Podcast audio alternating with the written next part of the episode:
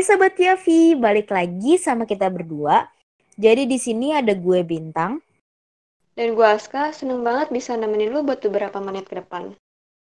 Nah Bintang, kita minggu ini bakal bahas apa sih? Jadi bahasan kita kali ini kalau misalnya Sobat POV bisa lihat dari judul insecurities yang sering kita hadepin. Nah, sebenarnya insecure itu tuh artinya apaan sih kak? Nah, insecure itu kan uh, mayoritas orang di dalam hidupnya pasti udah pernah ngalamin kondisi kayak gini kan, perasaan yang kayak Hmm. gini, insecure ini. Hmm, bener banget. Setelah uh, gue kan bukan seorang psikolog nih, setelah Mm-mm. gue lihat-lihat dari artikel di internet, nah gue simpulin kalau insecure itu tuh keadaan di mana kita ngerasa suatu aspek atau hal penting yang ada di dalam diri kita tuh di bawah dari diri orang lain, baik itu dari Hmm. segi fisik, mental, atau kemampuan. Nah, gue kasih contoh nih, Ben. Lu kan Mm-mm. hobi nyanyi kan? Lu Iya. hobi nyanyi nih. Nah, terus eh, lu ngeliat di TV ada eh, seorang penulis. Nah, dia tuh udah bukunya udah bestseller lah, banyak ya, eh, banyak Mm-mm. fansnya. Nah, tapi lu sadar nih kalau misal kalau kemampuan menulis lu tuh di bawah dari kemampuan menulis si penulis ini. Tapi lu nggak Mm-mm. ngerasa insecure, lu nggak ngerasa insecure karena ya itu tuh bukan suatu aspek atau hal penting yang di, yang di dalam diri lu kan. Mm-mm, betul. Tapi kalau misalkan lu ngeliat ada seorang penyanyi eh, yang seumuran sama lu, Mm-mm. terus dia udah banyak fansnya lah, terus album dia udah banyak Mm-mm. terjual, lu pasti ngerasa di dalam diri lu eh, akan mengalami insecure gitu karena ya it- karena kemampuan menyanyi lu eh, itu tuh merupakan suatu hal yang penting gitu kan dalam diri lu. Oh, I see. Ha, ha, ngerti, ngerti, ngerti, Hmm. ngerti, ngerti. Jadi hitungannya kayak eh, simpelnya tuh kita lebih ngerasa kurang dibanding orang lain gitu ya. Mm-mm, bener banget. Oh, ngerti, ngerti, ngerti, ngerti. Nah, kalau Nah. menurut lu eh, apa aja sih faktor-faktor yang atau penyebab dari insecure ini? Nah, jadi tuh di sini gue bakal ngasih lima faktor yang gue ketahui nih tentang si insecure ini karena gue eh, juga salah satu orang yang sempat ngerasa insecure kayak gitu. Jadi yang pertama itu, kalau misalnya dari contoh yang lo bilang tadi, kita tuh sering ngebandingin diri kita sama orang lain, ya kan? Ya, bener banget. Ngebandingin diri kita sama orang lain tuh kadang secara nggak langsung bisa bikin kita kayak ngerasa kurang percaya diri lah sama diri kita sendiri atau kita tuh selalu ngerasa kayak kurang gitu loh dibanding orang orang lain dan kita tuh jadi ngerasa nggak aman ya nggak sih sama diri kita sendiri Iya, ya bener banget. Jadi banyak pikiran negatif lah dalam diri Hmm, kita. kayak gitu, heeh, kayak gitu. Terus selanjutnya itu kita tuh suka banget ngelihat sosmed, apalagi di masa-masa PSBB ini kan kayak nggak banyak kegiatan yang bisa lak- kita lakuin dan hal yang bisa kita lakuin sekarang adalah kayak ngelihat sosmed dan semua orang di sosmed tuh kayak berlomba-lomba gitu loh buat ngeposting konten yang ngeperlihatin sisi terbaik dari dirinya. Terus kalau misalnya kita ngeliatin terus tanpa sadar kita tuh jadi mikir gitu loh kalau misalnya diri yang ada di orang yang kita lihat itu tuh bisa lebih baik daripada kita kayak gitu. Padahal nih setiap orang tuh punya kelebihan sama kekurangannya masing-masing. Tapi ya bukan salah mereka juga buat posting sesuatu yang terbaik dari dirinya. Karena itu ya hak dia selama dia nggak ngejatuhin siapa pun kayak gitu.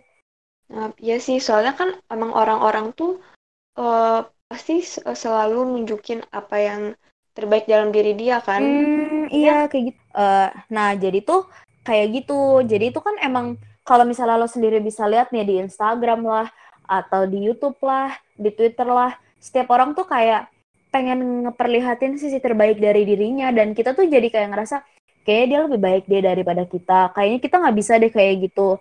Ya kan? Nah, hal itu tuh bisa bikin kita jadi kayak ngerasa nggak nyaman lah, nggak percaya lah sama diri sendiri. Kayak gitu, Kak. Hmm, emang sih, emang emang. Terus apa lagi, Bin? Terus kita tuh terlalu ngedengerin omongan orang. Jadi kadang tuh orang suka berkomentar tentang diri kita sesuai apa yang dia lihat aja. Jadi kayak dia nggak mikir panjang gimana efek ke depannya buat si subjek itu. Subjek yang kayak diajak gitu kan. Misalnya Iya, nih, ah kayaknya lu gendutan deh. Atau misalnya dia uh, terlalu kurus terus dibilang gini bisa gebukan dikit nggak sih kayak gitu terus atau enggak kayak lo banyak deh jerawatnya lo tau lo pasti sering banget dengar dengar orang yang komentar kayak gitu dan si orang itu tuh iya, kadang yeah, yeah. suka nggak mikir gitu loh efek buat si subjek yang dia ngomongin dia komentarin kayak gitu ya kan yeah, yeah. ya benar banget apa ya uh, omongan itu sebenarnya cuman buat uh, bahan obrolan aja sih kalau misalkan buat sebagian orang-orang cuman kalau buat uh, orang yang nerima perkataan itu pasti pernah ngerasain sakit hati juga iya. atas perkataan-perkataan itu kan. Ih, Jadi iya banget. Mm, ya kan, lu pasti lu pernah ngalamin gak? Iyalah, gitu? jelas lah. Oh my god. Kayak setiap orang tuh suka berkomentar sesuatu yang kayak menurut dia aja gitu. Dia ngelihatnya subjektif, nggak objektif. Kalau misalnya bahasanya mah bahasa basi yang basi ya, ya nggak sih? Benar ya, benar benar banget. Iya kan, basi banget ya, gitu. Ya, ya. Maksudnya kalau yang lo bilang nih dia mau buka obrolan tapi bisa gak sih obrolan gue sering banget nih uh, eh, gue udah lama banget gak ketemu temen. Terus habis itu gue ketemu nih sama mm-hmm. orangnya. Terus tiba-tiba dia ngomong gini kayak kayaknya lo gendutan deh bin. Terus gue yang kayak lah lo aja ketemu gue baru ya? Terus tiba-tiba lo ngomong kayak gitu. Lo mau buka obrolan tapi malah bikin mood gue hancur. Terus nih ya yang paling bikin gue kesel adalah misalnya kita mm-hmm. ngingetin dia nih uh, buat jangan kayak gitu dong kita kan baru ketemu. Atau misalnya mm -hmm. at least gue marah gitu kan. Pasti tahu nggak yeah. jawaban mereka? Jawaban mereka pasti gini baper banget sih lo. Atau enggak kayak lo tuh sensitif banget sih. Coy nggak gitu kali caranya. Maksudnya lo buka obrolan bisa gak sih dengan hal yang lebih positif? Kayak at least nanyain kabar lah. Gimana hmm. hidup lo selama ini sejauh ini udah apa aja? Kayak gitu gak sih? Atau enggak mereka cuma bilang ah kita kan cuma bercanda kayak gitu.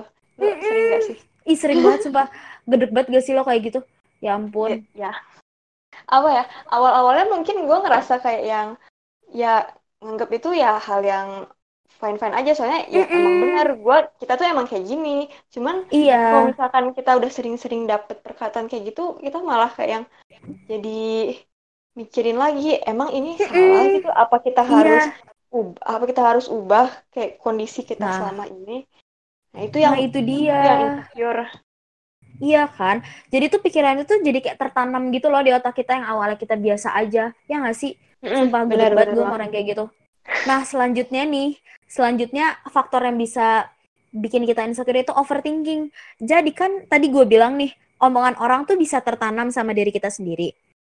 Nah, terus abis itu overthinking sendiri ini tuh kan artinya kita berpikir yang over gitu loh kayak berlebihan dan kadang tuh nggak sesuai sama keadaannya dan kadang tuh juga cuman sesuai sama orang yang bilang sama kita terus kalau kita berpikir berlebihan tentang diri kita sendiri kita tuh jadi kayak lebih insecure gitu loh kita ngerasa kayak kayaknya bener deh apa yang dia omongin atau kita ngerasa mm. kayak dia lebih baik deh dari gue padahal belum tentu juga nggak ada yang tahu juga dia lebih baik atau gue yang lebih baik ya nggak sih Mm-mm. Semua orang pasti ada yang baik, ada yang gak baiknya kan. Hmm, Masih, iya. Jadi...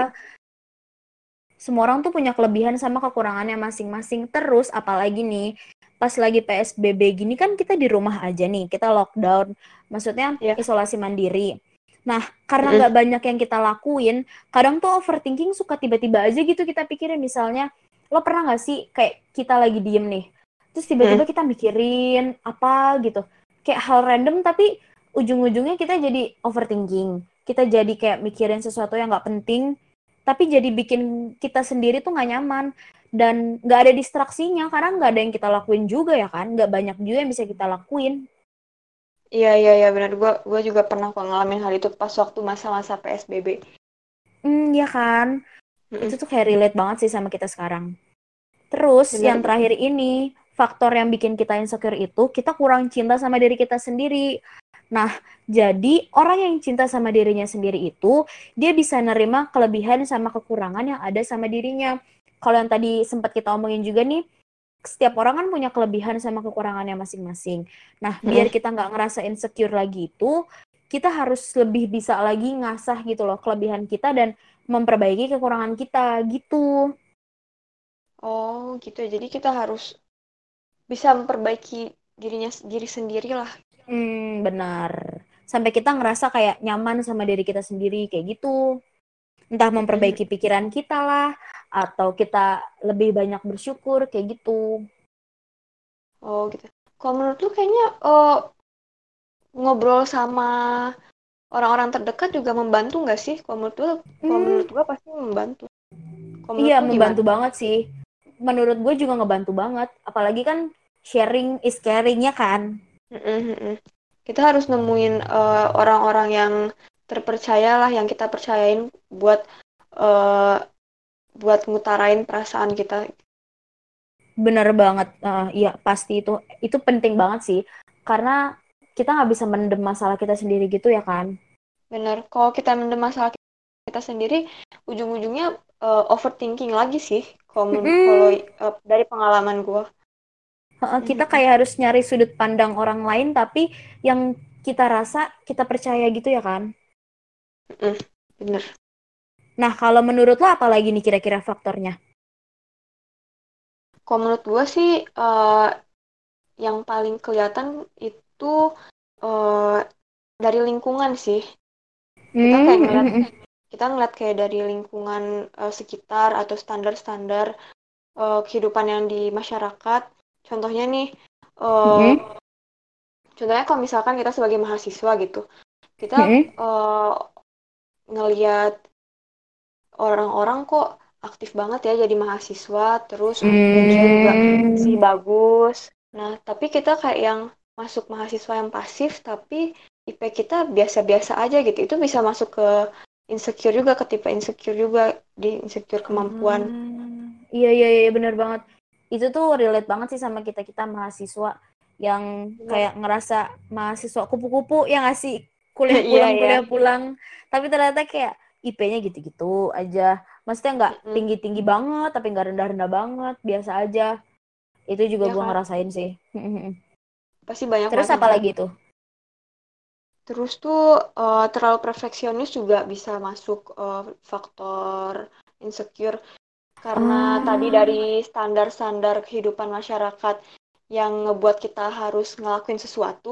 Misalnya nih, misalnya nih eh, ada orang yang eh, dia diejek gemuk kan sama orang-orang di sekitar. Nah, terus dia tuh berusaha buat eh, nurunin berat badan dia, kayak pergi ke Iya. gym lah, diet. Cuman itu tuh nggak mempan lah buat dia. Nah, itu kan jadi dia jadi insecure juga kan, dia terlalu Iya, perfeksionis bener buat banget. Eh, mencapai tujuan dia gitu. Itu juga bisa Hmm. masuk ke situ juga.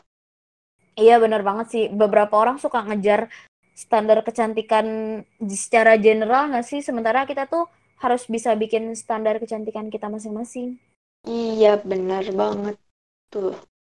Nah, masih ada lagi nggak nih Kak? Hmm, kalau untuk faktor-faktor sih, menurut gue itu aja. Kalau akibat nih, Bin, Iya tuh, apa tuh? apa sih akibat dari insecure yang pernah lu lihat gitu? Kalau menurut gue kita lebih jadi tertutup gitu loh sama dunia luar karena kita ngerasa kita nggak pantas gitu ya nggak sih? Kadang Ah, iya, iya. karena kita ngerasa kurang, kita jadi ngerasa kayak kayak kita nggak pantas deh ada di situ. Kita harusnya adanya cuma di sini. Ya nggak sih? Lo sering ngerasain kayak gitu? Iya, yang pun bener banget, Bin. Jadi, Iya ya? kan? Jadi kita kayak eh, ngerendahin diri kita sendiri lah. Hmm, mm-mm. Maksudnya orang-orang tuh welcome kan sama kita. Cuman gara-gara kitanya insecure, eh, ki- kitanya jadi ya nggak ngerasa pantas lah sama mereka. Iya. Gitu? Iya Bener. kan? Kayak jatuhnya jadi minder gitu loh, menarik diri Mm-mm. dari kerumunan. Sementara harusnya kita mampu ada di situ, ya nggak sih? Mm, itu apa ya? Iya kan bener banget. Padahal ya si, eh, si kerumunan atau si kumpulan orangnya fine-fine Mm-mm. aja sama Iya. sama kita gitu. Itu apa per- permasalahan dari internal kita dari diri diri kita sendiri sih. Mm-mm, Bener-bener. Ya jatuhnya sama aja sih kayak tadi overthinking karena kita berpikir berlebihan. Sementara itu nggak semestinya ada di dalam diri kita ya nggak sih? Bener-bener banget. Nah, kalau menurut lo ada lagi nggak sih akibat dari insecure yang ada dalam diri kita ini? Nah, kalau menurut gue itu kalau misalkan kita eh, ngalamin insecure dalam jangka panjang, terus juga Mm-mm. terus-terusan, yang paling parah sih eh, bisa kena gangguan mental. Menurut gue Serius? Oh, terus Iya, terus? kena depresi, bisa juga kena gangguan kecemasan dan itu tuh Iya sih. kalau udah kayak gitu harus uh, segera konsultasi ya. Konsultasi, iya benar. Konsultasi ke psikolog atau ke psikiater. Iya iya benar-benar. Iya benar banget sih kayak gitu. Kadang uh, tapi kalau misalnya yang gue sempet rasain nih ya, kalau hmm. misalnya insecure, misalnya mental kita sakit nih, kadang fisik kita juga jadi ikut sakit gitu loh. Ah iya benar-benar banget iya karena iya kan? Mm, karena kitanya juga apa ya udah dari dalam diri kita si mentalnya juga udah mm -mm. kena uh, apa ya keseharian kita juga pasti bakal berubah dan itu tuh iya. bisa berujung ke penyakit namanya? yang benar-benar dari fisik ya kan fisik juga mm -mm. benar-benar banget nah menurut lo sendiri nih insecure ini nih gimana sih apa yang pernah lo pernah ngadepin insecure ini gak sih uh, sering sih bisa bilang sering lah sering ha. Gue gimana tuh? Boleh ceritain. kalau mm, kalau di SMA gue lebih sering ngalamin insecure fisik. Jadi hmm. uh, apa ya? Gue masih inget nih sekali gue pernah dibilang uh, kalau gue terlalu kurus. Terus juga kantong mata gue hitam banget. Padahal gue kayak nggak sadar gitu loh Iya iya iya, iya. ngerti ngerti ngerti. Padahal gue ngerasa kayak yang oke-oke aja kan sama fisik gue pas waktu itu. Cuman gara-gara itu uh, eh, gue jadi kayak yang ngeliat kaca terus terus ngeliat uh, oh iya ya kok uh, kantung mata gue hitam banget ya mata panda gue kok hitam banget ya jadi gara-gara itu kayak gue langsung ah gue harus cepet-cepet uh, apa namanya nutupin harus cepet-cepet beli skincare kayak gitu-gitu nah ujung-ujungnya kan jadi insecure selalu ngelihat kayak wajah orang lain kok mata pandanya kecil banget ya kayak gitu Win nah iya kan ih, sumpah. Kayak gitu tuh omongan orang ya kan? Yang tadi balik lagi ke faktor insecure tuh omongan orang suka nggak mikir efek ke depannya buat kita ya kan? Bener banget. Jadi ya itu sih yang masih gue inget kalau yang tentang fisik. Kalau lu gimana bin Nah, kalau gue sebenarnya nih menurut pandangan gue ya, insecure hmm. itu tuh kayak nggak sepenuhnya salah. Ya memang salah, tapi kayak e, normal lah untuk setiap orang emang insecure itu. Jadi yeah. tergantung kita nyikapinnya gimana. Kalau misalnya kita nyikapinnya negatif, ya bakal jadi kayak negatif gitu loh. Jadi kayak yang tadi kita bilang sempet efek negatifnya kita jadi minder lah atau ikut jadi depresi, kena penyakit mental, kalau misalnya emang berkepanjangan.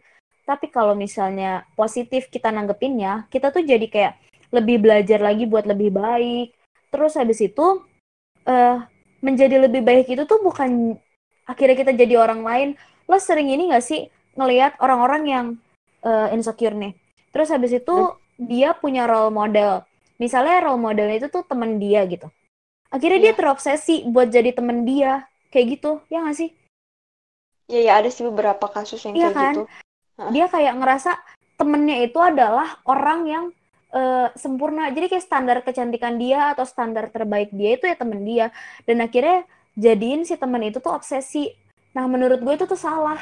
Kita tuh harus jadiin role model kita tuh inspirasi tapi bukan obsesi ya nggak sih? Mm-hmm. benar juga sih. Tadi yang yang lo bilang tadi yang uh, mm-hmm. sebenarnya insecure tuh nggak salah kan gimana tergantung hmm. kita nyikapinnya. Itu ya sih gue juga baru sadar kalau semua orang pasti pernah dalam dirinya ngerasa insecure. Mm, iya kan ya tergantung beberapa orang tergantung orang-orang yang uh, gimana sih cara mereka menyikapi si insecure itu. Mau mereka kayak ah ya udah bodoh amat emang kitanya kayak gini. Mm, iya. Tetap bersyukur sama diri sendiri atau enggak kayak yang uh, benar-benar mikirin tentang si insecure itu terus cara terus mikirin gimana cara buat uh, biar dia nggak insecure lagi kayak nah. yang uh, uh, perfeksionis yang gue sebutin tadi itu. Nah, ya itu dia. Jadi tuh persepsi kita sendiri sih yang salah menurut gue ya nggak sih? Karena hmm. uh, bukan orang itu yang salah, bukan orang yang jadi eh, kita jadiin perbandingan yang salah. Yang salah tuh kitanya buat nanggepin si uh, orang itu ngerti gak sih? Kita yeah, jadi yeah, yeah. terobsesi buat jadi orang itu sementara yang harusnya kita jadiin orang itu inspirasi. Kayak misalnya dia tuh percaya diri untuk bisa tampil di depan. Ya kita jadi kayak terinspirasi kayak terpacu gitu loh. Kayak e, eh, gue bisa juga pasti jadi kayak gitu. Tapi dengan cara hmm. lain bukan berarti kita harus jadi dia ya nggak sih? Benar-benar banget. Nah sebenarnya gue juga masih belajar sih buat uh, benar-benar percaya sama diri gue sendiri buat benar-benar kayak ngerasa aman sama diri gue sendiri. Karena gue tuh pernah ngerasain insecure banget waktu gue SMP dulu kan gue suka nyanyi ya. Gue tuh hmm. uh, eh, gue tuh dulu bener-bener kayak ngamentingin fisik gue deh. Kayak ya udahlah yang penting gue baik sama orang. Gue ngerasa gue bersyukur aja gitu sama diri gue sendiri sama teman-teman yang ada di sekeliling gue. Tapi uh, waktu gue SMP gue inget banget SMP kelas 2 itu tuh gue dibully hmm. sama satu teman gue dibully sama yeah. satu teman gue lo bayangin dia ngomong gini sama gue gue kan emang suka random gitu kan tiba-tiba nyanyi lah Terus yeah. Iya. ada satu temen gue yang ngomong gini ke gue. Ah, Bin, kamu mah bisa jadi penyanyi kalau aku ludahin dulu. Dulu ada yang bilang kayak gitu sama gue, lo bayangin. Yo. Sumpah, ya, dia ngomong kayak gitu sama gue. Bener-bener kayak di depan muka gue, di depan teman-teman gue, dia ngomong kayak, ah Bin, kamu mah kalau misalnya jadi penyanyi, tunggu aku ludahin dulu. Sumpah itu tuh bener-bener, ini orang maunya apa sih? Terus aku, terus kan gue jawab, kenapa sih ada masalah apa gitu? Terus habis itu gue kan gedek banget ya kayak gitu ya. Iya uh, iya benar terus gue lempar kan pakai ini pakai kertas ke muka dia. Tau nggak? Gue diketawain sama dia dan sama satu kelas nggak satu kelas sih kayak setengah kelas gitu. Iya. Yeah. terus gue kayak malu banget. Dan itu tuh kejadian selama satu semester. Bener-bener satu semester tuh gue dibully abis. Gara-gara fisik gue gara-gara gue dibilang jerawatan lah gue dibilang gendut lah. Sementara yang awalnya gue percaya diri sama diri gue sendiri kayak gue ngerasa baik-baik aja akhirnya gue kayak ngerasa kayaknya emang iya deh. Kayaknya emang gue kayak gitu deh kayak yang tadi kita bilang kalau misalnya omongan orang tuh suka nggak mikir efek ke depannya buat kita. Ya nggak sih? Sumpah ya, gue gede banget. bener. pas waktu itu ada ada gitu loh orang sejahat itu yang ngomong kayak gitu ke gue. Dan itu masih ngebekas banget bener-bener di memori gue sampai sekarang. Ya bahkan sampai lo udah kuliah sih iya. Itu sakit banget sih. Halo? Eh halo apa maaf maaf. Kalau tiba-tiba diem. Ya ampun kalau terlalu sedih santai santai santai. Tapi emang sesedih itu sih. Ya ampun. Sorry. Gue kebawa perasaan sumpah. Ya ampun sumpah emang benar-benar uh, Ah, karena misalnya kejadian-kejadian tadi tuh gue tuh jadi makin belajar gitu loh sekarang. Kalau misalnya gak apa-apa kali misalnya nggak sempurna karena emang di dunia ini tuh nggak ada yang sempurna. Di dunia ini tuh yang sempurna cuma Tuhan. Ya nggak sih? Bener ya ya kalau ya, kata kalau kata lagunya Anne Marie ini yang perfect I'm not a supermodel from a magazine. I'm okay with not being perfect. Jadi lo bukan supermodel yang ada di majalah-majalah. Jadi nggak apa-apa kali nggak sempurna. Sah-sah aja semua orang punya kekurangan. Dan makin ke sini tuh gue makin sadar gitu loh. Kalau ya udahlah nggak penting lah omongan orang ya walaupun gue masih belum sepenuhnya percaya sama diri gue sendiri tapi gue belajar buat lebih baik lagi kayak gitu menurut gue.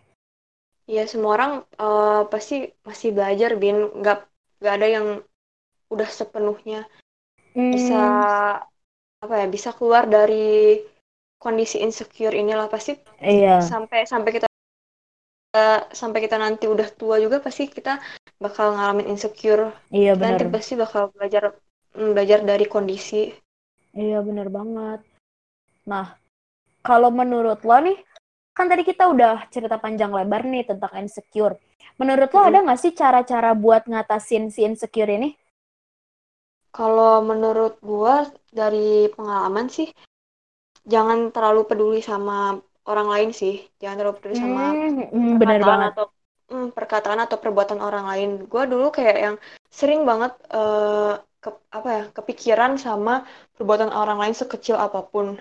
Tapi pas iya. waktu udah waktu udah kuliah ini gue ngerasa kayak yang huh? ah ya udah uh, gak usah nggak usah terlalu dipeduliin lah apa perkataan atau perbuatan orang lain yang komis yang kadang nyakitin kita gitu iya bener banget sih itu tuh uh, bener-bener pelajaran banget buat kita buat lebih percaya sama diri kita sendiri buat nggak percaya lagi sama bukan nggak percaya lagi sih lebih ke memfilter nggak sih omongan orang Ya, mana benar. yang buat kita percaya sama omongan orang mana yang harus kita buang dari pikiran kita? Ya nggak sih?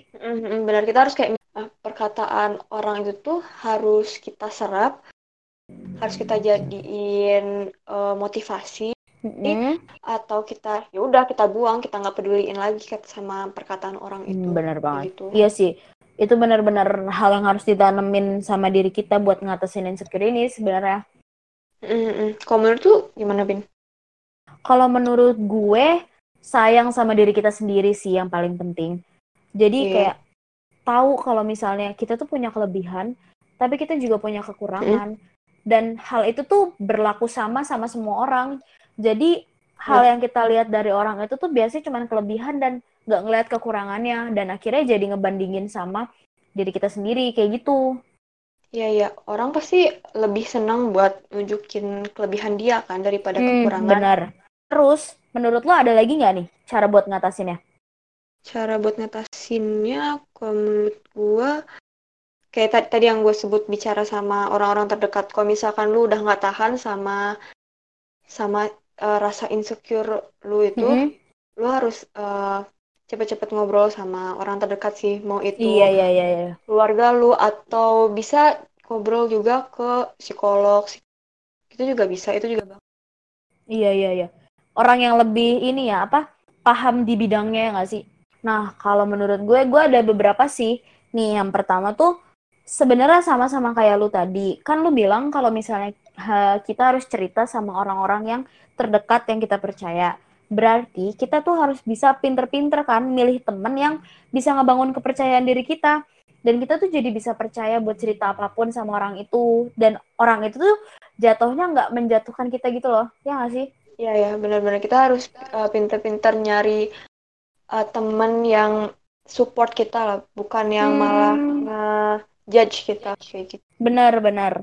Nah, jadi tuh gue tuh kayak percaya banget gitu loh kalau misalnya setiap orang tuh punya kelebihan sama kekurangannya masing-masing. Hmm. Jadi tuh kayak be the best version of yourself aja, ya nggak sih?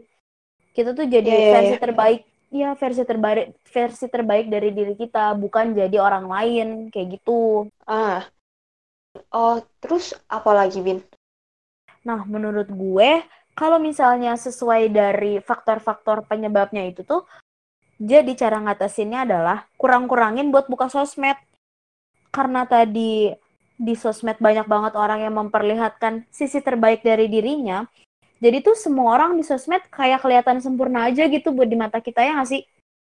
Mm-mm, bener Tapi Atau kan sebenarnya apa tuh? Eh, kalau menurut gue sih soal sosmed eh, Mm-mm. ada baiknya sama buruknya sih sama gue setuju sama lu Eh, buat nggak buat jarang-jarang buka sosmed Nah, karena semua orang kelihatan sempurna, jadi kayak nggak kelihatan kekurangan mereka. Sementara kita kan nggak tahu ya, kalau orang itu tuh struggling sama satu hal, ya nggak sih? iya benar banget bin Nah, jadi tuh kayak kita tuh harus lebih percaya buat setiap orang tuh punya masalahnya masing-masing. Dan kita tuh juga nggak tahu pasti kalau misalnya ternyata orang yang jadi perbandingan kita tuh punya keinsecurannya sendiri, tapi dia berhasil ngatasin. Kayak gitu menurut gue. Hmm, ya sih benar banget bin Nah, terus yang terakhir adalah kita harus terus percaya kalau di dunia ini tuh nggak ada yang sempurna kecuali Tuhan. Nah, kita tuh nggak salah sih sebenarnya untuk ngejar kesempurnaan itu. Kan beberapa orang tuh kayak belajar buat lebih baik untuk mengejar kesempurnaan, tapi kita tuh selalu ingat kalau misalnya yang sempurna di dunia ini tuh cuma Tuhan. Jadi ya nggak apa-apa kalau misalnya setiap orang punya kekurangan itu tuh kayak hal yang sah-sah aja, hal yang wajar. Gitu menurut gue. sih eh, itu kayaknya lebih masuk ke bersyukur sama diri sendiri juga ya Hmm, iya bener banget. Nah, kalau menurut lu, Bin, eh, kan ini eh, insecure ini tuh udah termasuk hal yang wajar kan menurut lu yang kayak yang lu Mm-mm. sebutin. Nah, pasti ada banyak orang yang udah ngebicarain tentang hal ini juga, tentang insecure. Mau Hmm, dari, benar. dari film atau dari eh, video-video yang kita lihat di YouTube. Iya, benar juga dari banget. postingan-postingan Instagram. apa aja sih media yang uh, nunjukin tentang insecure ini? Nah, yang ngebahas jadi tentang tuh, insecure ini. Oh, Oke, okay. jadi tuh uh, buat sekalian nih ngadepin masalah insecure ini kita bareng-bareng, gue punya beberapa list film sama lagu hmm? yang menurut gue tuh relate banget deh buat orang-orang yang insecure gitu. Apa aja tuh, Bin? Jadi film pertama ini datang dari Indonesia. Pasti lo tahu deh uh, film ini Imperfect. Dan tau, sobat tau. POV juga pasti tahu ya kan film Imperfect. Karena film ini tuh sempat banget booming di tahun lalu ya nggak sih? Karena tuh ya, cerita yang uh, kan cerita yang diangkat sama Ernest Prakasa terus istrinya Meira Anastasia ini tuh relate banget sama kehidupan kita di Indonesia terutama karena beauty standard di Indonesia tuh ngeharusin kalau misalnya cantik itu putih, cantik itu tinggi, harus kurus lah, harus bersih lah, harus ya pokoknya hal-hal yang sebenarnya tuh nggak harus kayak gitu. Terus abis itu hal itu tuh jadi berpengaruh ke beberapa aspek kehidupan kayak pekerjaan dan kemampuan kita tuh jadi kayak bisa dipandang sebelah mata deh karena kita nggak terlihat seperti orang-orang yang ada di beauty standard itu kayak gitu. Terus apa lagi, Bin? Nah, selanjutnya ini ada film dari Netflix. Judulnya ini Tall Girl. Nah, oh, jadi iya, Tall Girl. Nah, lo tau kan? Jadi tuh ceritanya tuh kayak menarik banget menurut gue. Gue pernah nonton film ini kayak tahun lalu deh. Jadi ada satu siswi di salah satu sekolah bergengsi dan dia tuh dianggap terlalu tinggi untuk ukuran seorang cewek dan akhirnya dianggap aneh sama banyak orang banyak banget bulian yang kayak datang ke dia omongan-omongan negatif yang langsung didengar langsung sama dia gitu kayak langsung diomongin ke dia dan itu tuh jadi kayak makanan sehari-hari gitu deh sampai akhirnya ada satu kejadian yang ngubah dia buat dia akhirnya lebih cinta sama diri dia sendiri. Karena awalnya dia jadi kayak pemarah lah. Dia jadi kayak pemalu minder. Tapi tuh ada satu kejadian yang bikin dia sadar kalau orang-orang di sekitar dia tuh sebenarnya baik sama dia. Orang-orang sebenarnya tuh bikin dia bahagia. Cuman dia kayak nggak sadar gitu. Dan pada akhirnya dia bisa lebih cinta sama diri dia sendiri. Kayak gitu. Oh kayaknya bagus deh filmnya. Gue belum pernah nonton sih. Nanti kayaknya gue bakal nonton. iya lo harus nonton sih. Sobat POV hmm. juga pasti harus nonton. Karena menurut gue itu uh, benar-benar pelajaran banget buat kita bisa lebih cinta sama diri sendiri gitu. Dan ini film terakhir judulnya Sierra Burgess is a loser. Kayak gitu. Lo pernah dengar ceritanya? Eh lo pernah dengar film itu gak sih? Pernah cuman gue nggak tahu ceritanya kayak gimana nah jadi tuh sesuai sama judul filmnya film ini tuh cerita tentang seorang siswa namanya Sierra Burgess dia tuh dianggap loser gitu loh sama semua orang sama satu sekolahnya karena badannya gemuk dia juga dibully sama satu geng populer gitu dari satu dari sekolah dia lo tau lah biasanya satu sekolah bergengsi tuh suka ada geng populer gitu. Iya, iya. Tapi satu kejadian tuh ngubah segalanya gitu, ngubah pokoknya kehidupan Sierra, uh, cara pandang Sierra gitu. Jadi hmm. tiba-tiba tiba-tiba tuh dia dapat satu bubble chat dari cowok dan ternyata yeah. cowok itu tuh ngira kalau misalnya orang yang dia chat itu bukan Sierra tapi uh, ketua geng yang ada di sekolahnya Sierra dan sampai oh. akhirnya kejadian itu tuh berlanjut terus pokoknya ke akhirnya tuh Sierra nggak jadi loser lagi dan dia sadar kalau dia cantik apa adanya kayak gitu oh mirip-mirip sama yang Tall Girl juga yang ngebicarain tentang uh, suasana sekolah juga ya? Mm-mm, gitu uh, gue sengaja ngasih yang latarnya sekolah karena biar lebih relate aja gitu sama kehidupan kita. Apalagi kita mahasiswa yang sering banget ketemu orang di kampus. Terus habis itu sering banget dapat omongan-omongan negatif karena visi kita kayak gitu. Hmm, ya sih benar-benar juga. Jadi bisa relate lah ke kehidupan kita sendiri. Nah kayak gitu. Terus habis itu gue punya ini nih uh, rekomendasi lagu yang bisa banget lo dengerin. Apa tuh? Yang pertama tuh Perfect dari Anne Marie. Hmm. kalau misalnya lo uh, dengerin lagunya terus arti dari liriknya tuh dapat banget lo sebenarnya. Kayak uh, beauty standard kita tuh nggak perlu memenuhi beauty standard itu. Kalau misalnya tadi yang gue sempet singgung karena kita tuh bukan hmm. supermodel kita bukan supermodel dari satu majalah yang harus sempurna lah harus jalan di catwalk lah harus punya fisik terbaik. Kita tuh Mm-mm. bisa harus baik-baik aja dengan keadaan kita sekarang. Harus bersyukur, harus kayak mikir nggak apa-apa kali misalnya nggak sempurna. Karena gue bukan supermodel, jadi santai aja kayak gitu. Ya, bahkan supermodel juga pasti punya kekurangannya sendiri lah. Jadi ya Hmm. itu juga bisa jadi eh, motivasi atau semangat buat diri kita sendiri. Iya benar banget kayak gitu. Terus lagu selanjutnya itu ada Scars to Your Beautiful dari Alessia Cara. Pokoknya ada Nah, itu kata-kata nih. Lo tahu deh pasti. Tahu-tahu gue suka lagu itu. Iya kan? Pokoknya ada kata-kata yang gue suka banget ya di sini. There's a hope that's waiting for you in the dark. You should know you're beautiful just the way you are. Kalau misalnya artinya tuh selalu ada harapan di satu pokoknya kayak ada titik terang deh di setiap kegelapan yang ada dalam diri lo. Lo tuh harus tahu kalau misalnya lo tuh cantik dengan diri lo apa adanya. Kayak gitu. Benar-benar dapat banget walaupun sesederhana itu kata-katanya. Emang banyak sih orang-orang yang suka sama lagu itu, sama lagu Alessia Cara. Hmm, iya kan. Gue juga pertama denger tuh langsung kayak, ih kayak bagus banget deh lagunya. Artinya tuh walaupun sederhana tapi dapat banget. Bener.